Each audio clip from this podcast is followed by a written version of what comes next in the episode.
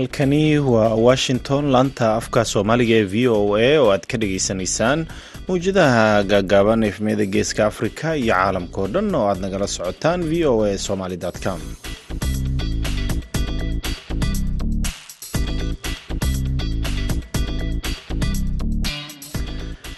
Duhur wanaagsan dhegeystayaal waa maalin sabti ah koob iyo tobanka bisha februaayo sanadka laba kun iyo saddex iyo labaatanka afrikada bari saacadda waa kowdii iyo barkii duhurnimo. Idaacadda duhurnimo ee barnaamijka dhallinyarada maantana waxaa idinla socodsiinaya anigoo ah cabdulqaadir maxamed samakaab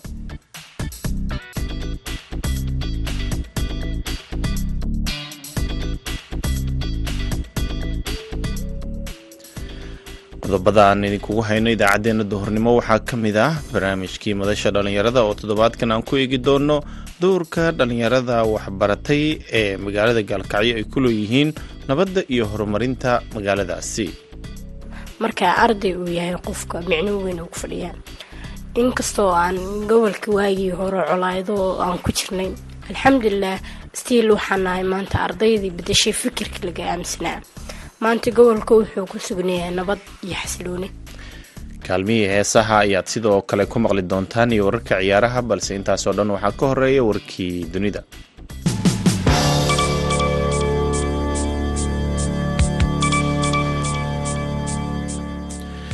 diyuuradaha dagaalka ee mareykanka ee f ayaa jimcadii gobolka alaska ku soo riday.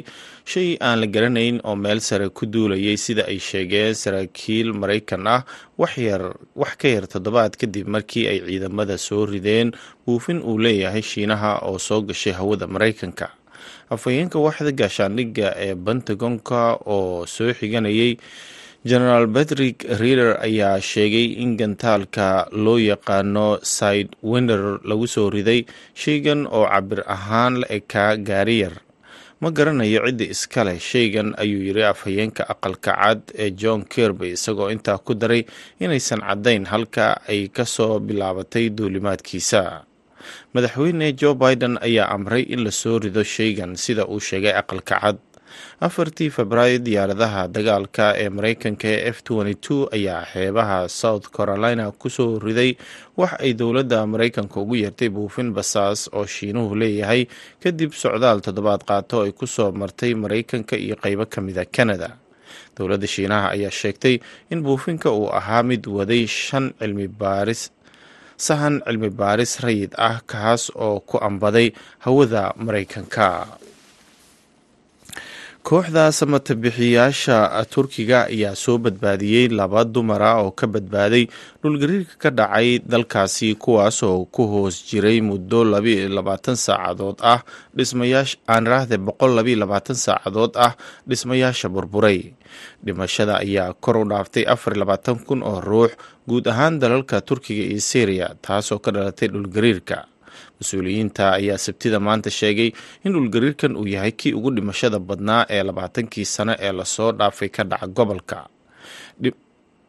Gobolka. Kooxda samatibixiyaasha ayaa weli burburka dhismayaasha ka hoos raadinaya haddii ay ku hoos jiraan dad badbaaday laakiin rajada ayaa sii yaraanaysa iyadoo sidoo kalena ay noqonayso mid ay si weyn uga walaacaan ehelada dadka la rumaysan yahay inay ku hoos jiraan dhismayaasha burburay qaramada midoobe ayaa dhinaca kale ugu yaboohday lacag dhan shan iyo labaatan milyan oo dollar oo lagu talagalay dadka ku nool deegaanada uu dhulgariirka ku dhuftay ee dalka syriya warka wuxuu intaa ku daray in ay taasi dheer tahay deeq dhan shan iyo labaatan milyan oo kale oo horaantii toddobaadkan loogu talagalay howlgallada deg dega ah ee ka socda dalalka turkiga iyo syriya kuwaas oo la doonayo in wax looga qabto ama lagu soo badbaadiyo dhulgariirka dadkii ka badbaaday dhegeystayaal warkeenii dunidana waa nageynta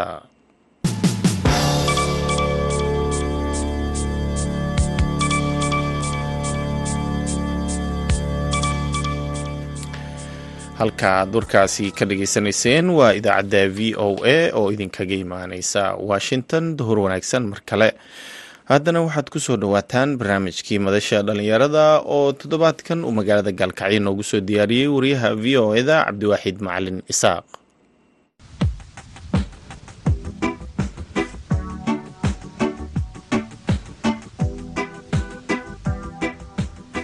Kulanti wacan dhegaystayaal ku soo dhowaada barnaamijka madasha dhallinyarada idaacadda v o e toddobaadkan barnaamijka waxa uu idinkaga imaanayaa magaalada gaalkacyo ee xarunta gobolka mudug magaalada gaalkacyo oo muddo la daalaadhacaysay ee dhibaato colaadeed oo u dhexaysay qeybaha kala duwan ee bulshada ee degan gobolka.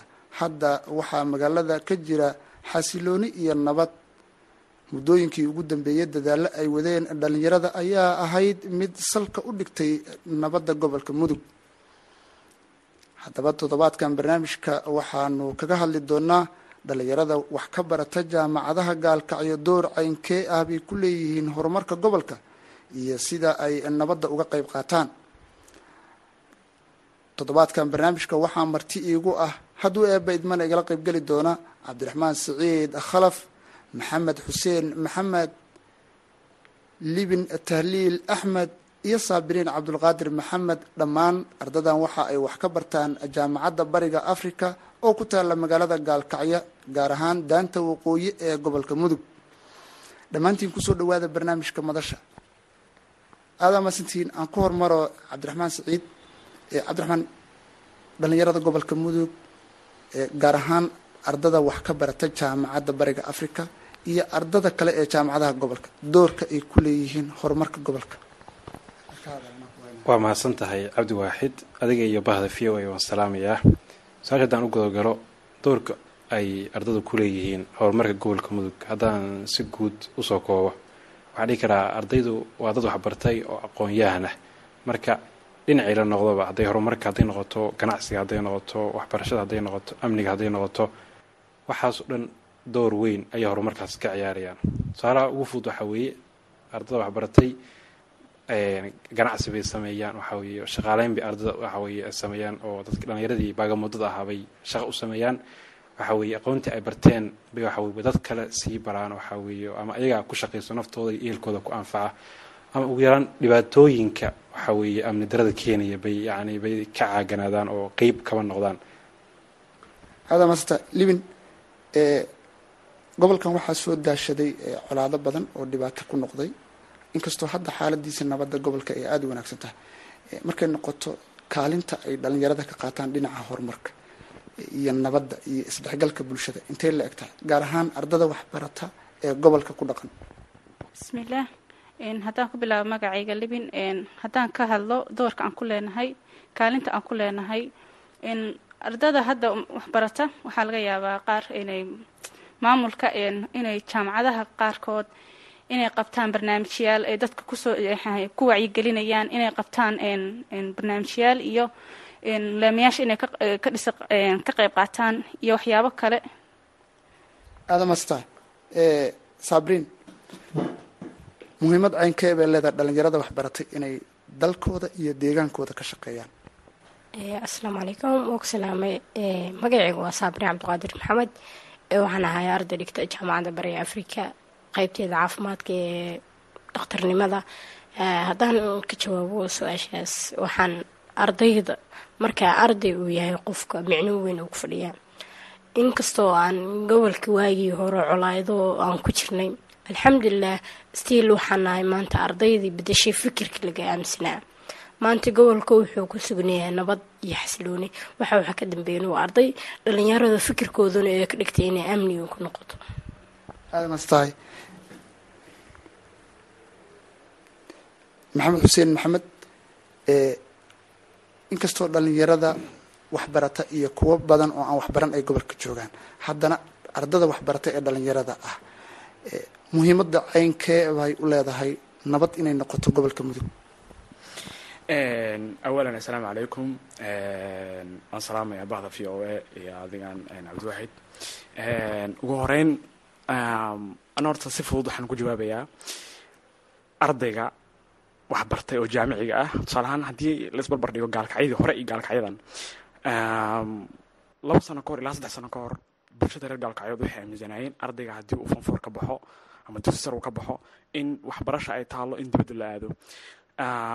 Taas beddelkeeda waxaa moodaa soo noqoshada magaalada in ay wax weyn ay ka geysteen ardada labadii sano u dambeysay maadaama ay aamineen waxa kala yirahda in ay wax ku bartaan deegaankooda. Taas waxay bedeshay habdhaqankii magaalada. Haddii la fiiriyo gaalkacyo afar sano ka horsay ahayd iyo haddasay tahay runtii waxaa muuqda difference aada u weyn dhinac walba ha noqdee. Taasna waxaa keenay baan dhihi karaa ardada fikirkooda uu noqday in ay waxbarasho ay ka tanaasulaan dibadda ah ay u tanaasulaan mid deegaan taas oo ay wax ka bedeshay deegaanka ay ku noolaayeen bulshadii communitygii ay ku dhex noolaayeen populationkii ganacsigii caafimaadkii dowladnimadii kulli wax ka bedeleen marka mar walba ardaygu waa difference ardaygu waa difference maker qofka shakhsiga ardayga ah waa shakhsi populationka iyo community ku dhex nool yahay difference ka dhex abuuri karaa aadan master maxamed. Cabdiraxmaan markay noqoto in dhalinyarada waxbaratay ay dadkii iyo deegaankooda ay dib wax ugu celiyaan gobolka hadda maxaa idinkaga qorshaysan inaad dalkii iyo deegaankii aad dib wax ugu celisaan? Gobolka mudug markay noqoto miyigiisa iyo magaaladaba. Waa mahadsan tahay cabdiwaxid waxa ugu muhiimsan oo aan dhihi karo waa waan ku celin karnaa bulshadii aan ka nimid waa waxa weeyaan waa aqoontiina la baray iyo tacabkii iyo juhdigiina la soo geliyey. Marka markaa waxbaratid waxa weeyaan adigii waxa weye bulshadii ama ha noqdeen kuwa wacyigooda hooseeyo ama ha noqdeen kuwa aan waxba aqoon waxa weye aqoon dar hayso. Waxa weeye waxa ugu yar anugu arday baan ahay waxa weye dhaqaale iyo wax kaloo weyn ma haysto. Keliya aqoonta aan bartay iyo cilmiga aan bartay inaan sii baro waxa weye ama si volunteer ama si yani tadawuc ah inaan ku baro waxa weeye ba baan dhihi karaa yani bulshadaas. Iyo wacyigelinta aan ka qayb qaadan karo waxa bulshada in laga wacyigeliyo waxyaabaha dhibaatooyinka ah ama deegaanka ku ah ama nabadda ku ah ama horumarka lidiga ku ah. Waxaasoo dhan inaan ka wacyigelino oo dalkeena yani yani horumarkiisa iyo horsocodka aan ka shaqeyno. Arrinta ugu weyn yani aan ka qayb qaadan karno arday ahaan waa taas ayaan ku soo koobi karaa. Aadaa mahadsantahay libin miyiga mudug waxaa ka jira meelo badan waxbarasho la'aan. Dhallinyaradii waxbarata gobolkaa tihiin dadkiinii iyo deegaankii mararka qaarkood oo aad fursad u leedihiin jaamacadda idiin xiran tahay ma idiin suurta gashaa inaad deegaankii tagtaan miyiga si dadkii aada ugu faa'iidaysaan wixii aada barateen? Bismillaah horta inaan deegaankii tagno nooma suurta way kartaa laakiin dadka oo waxbarasho la'aanta ah annaga hadda ma dhihi karno iskoolaa u furaynaa waxbaa u qabana laakiin waxaan ku saacidi karnaa inaan waxaan baranay ugu celino ee ayakana wax ka faa'iidaan. Ya? Insha allah waxaan rajeynaynaa inta fasaxyaasha aan jaamacadaha saddexda bilood inaan u sameyno dhalinyaro badan oo gobolka wada joogta sabriin mudug daanta shishe iyo daantan waqooyiga iyo daanta koonfureedba maxaa xiriiroo idinka dhexeeya? Awalan su'aashaas haddaan ka jawaabo. Aanay ahaan qeybta galmudugaa ka imaaday maanta qeybtana waxbarasho imaaday so waxaa keenaysa fikirkii waagii hore nala aaminsanaa oo ah inaa bulshada kalkacay ee ahayn bulshada aan isfahamsaneyn aan isdhexgeli karin. Midaas oo fikir qaldan ahdo nala aaminsan muddo shan sano ka hor waa laga yaabaa inuu bulshada awal isdhexgelgeli laakiin fikirkaas waxaa burburiyay ardadeena ardayga maanta inta degan halkaas wuxuu ka bartaa. Ardayga halkaasna deganaana intuu maanta wax ka bartaa waxaan u muujinaynaa bulsho weynta soomaaliyeed oo dhan ina fikirkaas uu ahaa fikir qaldan oo maanta ardayda inay bedeleen aada maadsantahay maxamed dhalinyarada isdhexgalka gobolka mudug door ma ku leedihiin markay noqoto in bulshadii la isdhexgeliyo wacyigoodii la bedelo dhinacii colaada dib looga soo celiyo oo horumarka iyo lagu soo jeediyo gobolka? Bismillahi raxmaan raxiim horta walaashay saabiriin waxaa kala yidhaahdo oo ah arday asxaab aan nahay oo aad aan isku dhownahay oo ka imaada dhanka galmudug. Tusaalaan iyadoo kale haddii ay noqoto in arday badan oo dhanka galmudug ay waxbarasho soo aadaan dhankan puntland. Haddii ay noqoto arday badan oo puntland dhanka galmudug waxbarasho aadaan xaqiiqatan waxaan dhihi karaa fikirkii khaldanaa oo afar sano ilaa shan sano ka hor ay dadku isticmaali jirin aad u bedelmay tusaale yar haddaan kuu keeno kaba soo qaadba dadku inaysan ahayn dad wax garataba dad wax gartaba inaysan ahayn tusaale ahaan. Waxaa laga yaabaa haddii nin ama dabcan dee dowlad walba ama deega ama deegaan walba oo bulsho ku nool qof shar wada ah lagama waayo. Haddii ay dhacdo lacalla in qof damacsanaa inuu shar sameeyo uuna ku sameeyo arday puntland oo galmudug jooga damca inuu wax ku sameeyo waxa uu aaminsan yahay in arday isaga ama haddii ay noqoto dhan famil ama haddii noqoto dhan ha qaraabo la ah aaminsan yahay inuu jiro dhankaas puntland uusan waxbarasho aaday. Marka haddii ay noqoto marka qaab direct iyo qaab indirect marka waxaan dhihi karaa ardadu waxay sameeyeen difference ah qaab indirect ah in ay bulshada isu keento. Tusaale ahaan ardaygu ma uusan sameynin ama ardadu jaamacadeed ma aysan in laba dowlad ay meel wada fariisiso ama laba bulsho meel wada fariisiso dan ay heshiis samayso. Lakin waxaan karaa qaab indirect ah bay u sameeyeen isdhexgalkii dan bulshadina adaptation baa dhex maray la qabsi waa laisla qabsaday. Khalalaasihii iyo buuqii iyo fikradihii khaldanaa oo markaas taagnaana. Waxaan dhihi karaa sidoodii bay ku dameen oo u gaabteen marka tasaan dhihi karaa master cabdiraxmaan maamulada gobolka ka jira degmada gaalkacyo waxay muddooyinkii ugu dambeeyey ku howlanayeen isdhexgalka bulshada. Ardadiina waxbarata ee jaamacadaha gobolka wax ka dhigta. Door ma ku leedihiin si maamulada aada u kaabtaan oo ay dadaalada nabadeed ee wadaan ama horumarineed aada qeyb uga noqotaan? Waxaan dhihi karaa waxaan ku leenahay door weyn baan ku leenahay oo qeyb weyn baan ka qaad baan ka qaadanay. Haddaan nahay ardayda waxbaratay oo waxa weeye ama dugsiga sare dhigata ama jaamacadaha dhigta. Haddaan tusaale ahaan kuu soo qaato aniga ahaan cabdiraxmaan waxaan ka tirsanahay yani urur la yihahdo madasha nabadda iyo isdhexgalka dhalinyarada gobolka mudug. Dhallinyaradaas waxay ka kooban tahay waxa ugu badan oo xubnaheed waxa weeyaan waa arday iyo waxa weeye iyo macalimiintood iyo dad la xiriira waxbarashada weeyaan. Marka waxaanu dhihi karnaa yani wacyigelin baan samaynay waxa weeye kasta waxa weye baan tagnay waxa oo ardaydii baan isku xirnay oo connection u samaynay maamulayaashii baan isku xirnay waxa weeyaan bahda waxbarasha wax qabanay bahda haweenka oo kale. Marka doorka ugu weyn ee aan ku kaabnay maamulka waxa weeyaan in fikirkii khaldanaa ee ahaa waxa oo dadka yani dhihi jira isbaarada qalbiga ama ahaa haddaa dhinaca tagta in lagu dilayo inaan meesha ka saarno oo aan yidhaahno war qofkan daris buu kula yahay waxa weeye somalia wax ku imaada oodi ab ka dhow. Yani aniga dad waxaa jira aan isku haybnahay oo xeebahaas yeminta yani xiga aan waxa isku haybnahay. Haddana leeyahay dadkaasba isxigtaan dadkaan kula dariska ahna waxa weye cadow bay ku yihiin. Marka fikraddaas baanu meesha ka saarnay isbaaradii qalbigaanu qaadnay. Laakiin anagu yani colaadihii waxay asalka u ahaayo saa dhulka laysku haysta iyo loolinka dhaqaalaha anagu waxaas waxba kamaa naqan laakiin fikradda qalbiga baanu dhihi karnaa baanu qeyb weyn wacyigelinta bulshada iyo fikradahooda baanu wax ka bedelna awal waxyaaba asalka ahaay oo kale ee salaan loolanka dhulka oo kale ama ceelasha ama daaqsineedka waxyaalahaas yani baa keenayey. Laakiin waxyaabaha waxaa jira waxyaaba ka qeyb qaata colaadda oo waa ka mid tahay yani saxaafadda oo kale inay yani waxay sii yani ay faafiyaan. Yani fikradaha kala duwana la aaminsan yahay. Hadduu qofkaas iga aaminsan yahay inaan anigu dan ka aaminsanahay inuu yani qofkaas meeshaas ay tahay meel aan meel qasan oo nidaam ka jirin isaguna ii arko inaan ahay qof isaga yasaya waxa oo xaqiraya. Yani dee yani iskuma soo dhawaan karno. Maba heshiin karno. Lakiin markii fikraddii meesha ka saarno waxa weeye oo la yidhahdo kaale qofkaan is arka. Waxaa la carruur iyo waxa weeye iyo waraaba waa loo kala sheegin laakiin isma is arag. Marka haddii isku nimaadno aan wada hadalno yani fikraddii meesha ka baxaysa marka arrimihii kale markaas laga wada hadli karaa. Aadam asta libin gabdho badan oo gobolka jooga oo aan waxbarasho ka faa'iidaysanaa jira iyaga ma ku dhiiragelisaan si waxbarashada gobolka uga qayb qaataan iyo horumarkaba. Bismillaah horta weli maanan arkin gabdho oo horta waa dhiirigelinaa gabdhaha. Maanta haddii si loo fiiriyo gabdhaha horta sibaa loo liidaa la dhahaa. Gabar wax ma qaban karto gabar wax ma baran karto guriga gabar ku fiican tahay. Taas ayadoo ah laakiin gabdhaha waa kuwa haddase boqolkiiba sagaashan wax barta hadday gabdhaha aan wax baranina waxaan jeclaan lahaa inaan u qabano barnaamijyaal oo ah fikradaheena inaan ka gadno macnihii waxaan baranay ayakana u faa-iidno. U wacyigelino iyakana awood u yeeshtaan inay iyakana markooda ay wax qabsan karaan. Aada maadsantaha sabriin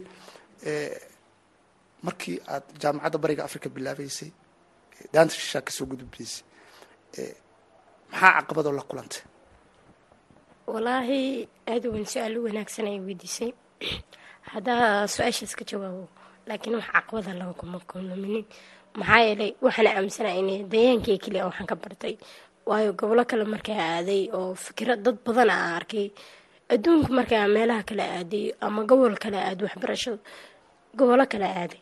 Goboladaas waxaa la soo kulmay dad kala duwan bulsho kala duwan oo soomaaliya oo meelo badan oo iskala imaaday marka fikirkii aniga oo markaas waa ka saaro oo ah in waxay ugu dhaci doonaa dhanka faamiligii markaan gelaya caqabada aan kala kulmay ha aadin meeshaas gabaraa tahay wax walba kuu dhacay. Waxaa dhahay naf walba yacni waqtigeeday ku ekata aan dhahay gabarda ahna de waxna in aan qabsan karin aan hore u socon karin maahan. Gobolka ayaa waxaan ka baranay aan dhahay jaamacad shisheeyana ma aadin oo dalka dibadiisna uma bixin.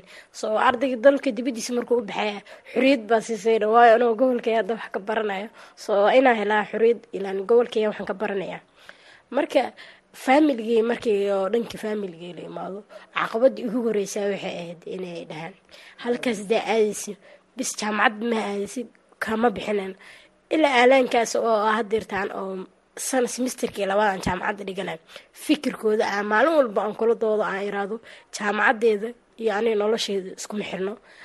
Haddaan wax baranayo jaamacadda walba aan ka barto. Oo isla gobolkii aan joogaa aan iraado. Maxamed gabagabadii barnaamijkaan soo gaarnay si kooban adinkoo iigu saraxaya ma jiraan dhalinyarada waxbarata gobolka? Caqabado ka soo wajaha maamulada gobolka. Marka ay noqoto inaad ka shaqaysaan horumarkii gobolka isdhexgalkii bulshada iyo nabadeynta mararka qaarkood meelaha wax ka dhicdhici jiray. Inkastoo hadda muddooyinkan aysan waxba dhicin. Waa mahadsan tahay cabdiwaaxid awalan horta waxaan odhan karaa maamulada waxaan ka caawinay. Haddii qofka uu yahay qof maamul ah oo deegaan ama bulsho xukumaya wuxuu rabaa bulshada uu xukumaya iyo deegaanka uu xukumaya inay noqdaan bulsho disbilin leh oo akhlaaqiyin u dhisan oo wax kala yidhaahdo nidaam leh oo aysan isaga laftirkiisa challenge iyo caqabad uusan kala kulmin. Haddii aan tusaalahaan oo kaleeto fiiriyo gaalkacyooyinkii hore gaalkacyada hore oo kale caqabad bay kala kulmi jireen dadka maamulada ah. Hadda laakiin waxaa jirta dadka hadda gaalkacyo u taliya oo kaleeto inaysan caqabad badan ama challenge badan kala kulmin sababtoo ah dhalinyaradii aqoonta badneed ama exactly. Dadka wacyigooda dhismay waxaa kan yidhaha dad badan oo aqoon iyo cilmi u raadsan jiray deegaano kale baa isla gobolkoodii jooga. Marka waxaan oran karnaa bointiga ugu weyn aan ka caawinay waxa kala yidhaahdo dadka madaxda noo ah ama dadka maamulada. Horta maamulada caqabad haddii ay noqoto laba qaabba way jirtaa. Tusaale ahaan oo kaleeto hadda anagu jaamacad baa dhiganaa dhanka management of health ama public health aan bartaa markaa raba inaan a d b aan research u aado ama qiimeyn aan u aado inaan wax kanila soo qiimeeyo nolosha ka jirta a d b yada meesha keliya aan garabka aan weydiisanayo waa waa waa maamulka iyo guddoomiyaha iyo duqa degmada. Iyagana horta maamulku mid way ku saxan yihiin midna waxaa oran karaa dhan haddii loo firiyo ku khaldi laakiin mid ay ku saxan yihiin waxay tahay haddii uu meeshu amnigu khalkhal ku jiro aad bay u adag tahay macnaha qof walba soo dhaweysaa dhahdid barnaamijka waa kula xalin karaa. Maamulku marka hore caqabadaasi qabeen. Lakiin hadda maadaama uu challengiga uu sii yaraanayo ma sameeyaan wax caqabad ah ma sameeyaan oo qofkii u baahda inuu deegaanka magaalada gudaheeda tusalaan specially gaalkacyo kale rabo inuu hawl ka qabto garab istaag way u muujiyaan oo waxa kala yidhahdo ilaa xad way garab istaagaan. Sababtoo wax meesha ka baxay challengigii iyo cabsiyihii iyo hawlihii magaalada ka jira badan hadda kama jiraan. Magaalada hadda horumar fiican bay ku sii socotaa. Aad bay u dhismaysaa. Aada maasan cabdiraxmaan gobolka imise jaamacad ayaa lagu qiyaasi karaa jaamacadaha ku yaalla ee ka howlgala. Markay noqoto ardadiina ma leedihiin kulan guud oo ardada jaamacadaha gobolka oo aad kaga arinsataan horumarka gobolka iyo waxyaabaha gobolka ku soo kordha. Anugu hadda yani xog iyo waxa weeyaan number saxa hadda ma hayo. Ilaa adugu sideed ilaa toban jaamacad baan ku qiyaasayaa inay gobolkan ka jiraan. Marka laakiin isku xirka ardayda iyo waxa weeye way leeyihiin haa madal ardayda ku midaysan yihiin jaamacadaha ayaa jirta. Marka waxay iska caawiyaan maxaan qaban karaa barnaamijyo ah anagoo arday ah bulshada gaarsiin karnaa tusaalaan xilliga abaaraha oo kale in biyo dhaamin la siiyo xilliga cudurro faafaan oo kale in dadkii baadiyaha loo tago xoolaha loo soo diro xoolaha loo soo daaweeyo. In waxa weeye dadka nafaqadarada haysoo kale in laga caawiyo in wacyigelin loo sameeyo. Marka ardaydu madal waa leeyihiin haa jaamacadaha madal way ku midaysan yihiin urur waa jiraa bulshadana yani barnaamijyo way u qabtaan waxa weye iyaguna xiriir gudahooda waa leeyihiin aada maasanta sabrin iyo iyo liban maxay tahay fariinta gabdhaha gobolka aad u diraysaan gaar ahaan markay noqoto gabdhaha waxbarta iyo kuwa aan waxbaran ee aan fursadda u helin inay waxbartaan. Bismillaah gabdhaha waxbartay waxaan dhihi lahaa ha meeshiina ka sii wada oo dib ha u noqonina. Gabdhaha wax aan barin waxaa dhihi lahaa meesha aad hadda fadhisaan inaad ka kacdiin waayo maxaa yeelay de gabdho baan nahay inaan wax barano waa noo muhiim. Gurigiina waana laga rabaa ina anaga dhafteenana wax u barano waa la rabaa markii gabar u maanta waxay barato bulshada maanta boqolkiiba boqol meel walba jaamacada ahaata ama goobaha waxbarashada hadda waxa ugu badan hablaha. Hablaha oo haddana waxna aan barin duruufaa keenayso qof waxaa jira oo aan fiiga haysan hablahaasoo kale urare leeyihiin uraro oo habeeno waxbarashooyin fiiga oo fiiga ka bixiyo waxyaabo badanay leeyihiin.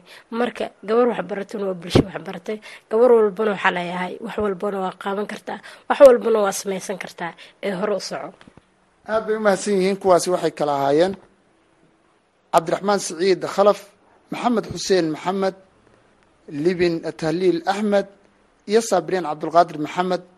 Waxa ay ka mid yihiin ardada wax ka barata jaamacadda bariga africa oo ku taalla magaalada gaalkacyo. Waxa ay toddobaadkan marti iigu ahaayeen barnaamijka madasha dhallinyarada idaacadda v o e da oo toddobaadkan idinkaga imaanaya gaalkacyo. Anigoo cabdiwaaxid ayaa idinla socodsiinaya. Ismaqal dambe aad ayuu mahadsan yahay cabdiwaaxiid macalin isaaqa. Markana dhinaca ciyaaraha haddii aan fiirino goordhow waxaa soo geli doonta ciyaar u dhexeysa kooxaha westham united iyo chelsea. Kooxda chelsea ayaana doonaysa inay gaarto guusheedii ugu horeysay tan iyo intii uu suuqa kale iibsiga uu xirmay iyadoo gelisay in ka badan saddex boqol oo milyan oo lacag ah oo yuuro taasoo ay ku soo iibsadeen ilaa iyo dhowr ciyaartooy markana kaalmihii heesaha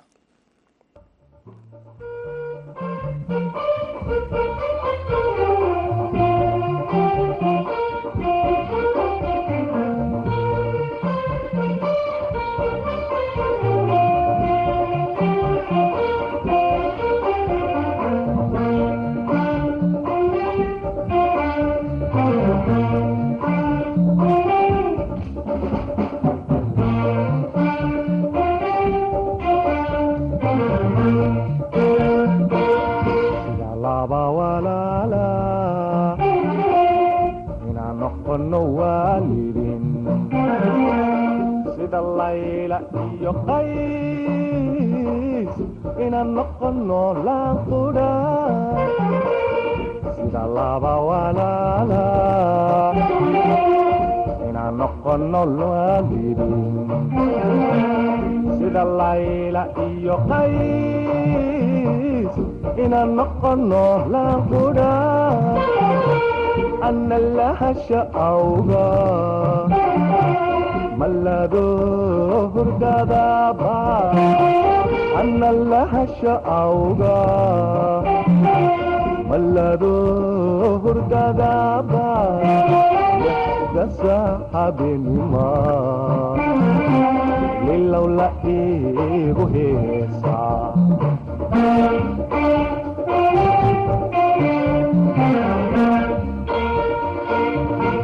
haddaadaad igu laadan tahay inaan liito ma og tahay haddaadaad igu laadan tahay inaan liito ma og tahay mise waaban lumayo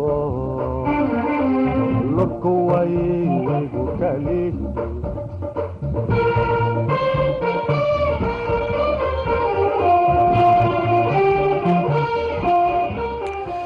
codkaasi cabdiqaadir xasan nageeye ayaa u dambeeyey idaacaddeenna duhurnimo. Waxaa idinla socodsiinaya anigoo samakaab ah. Tan iyo kulanti dambe waxaan idin leenahay nabadgelyo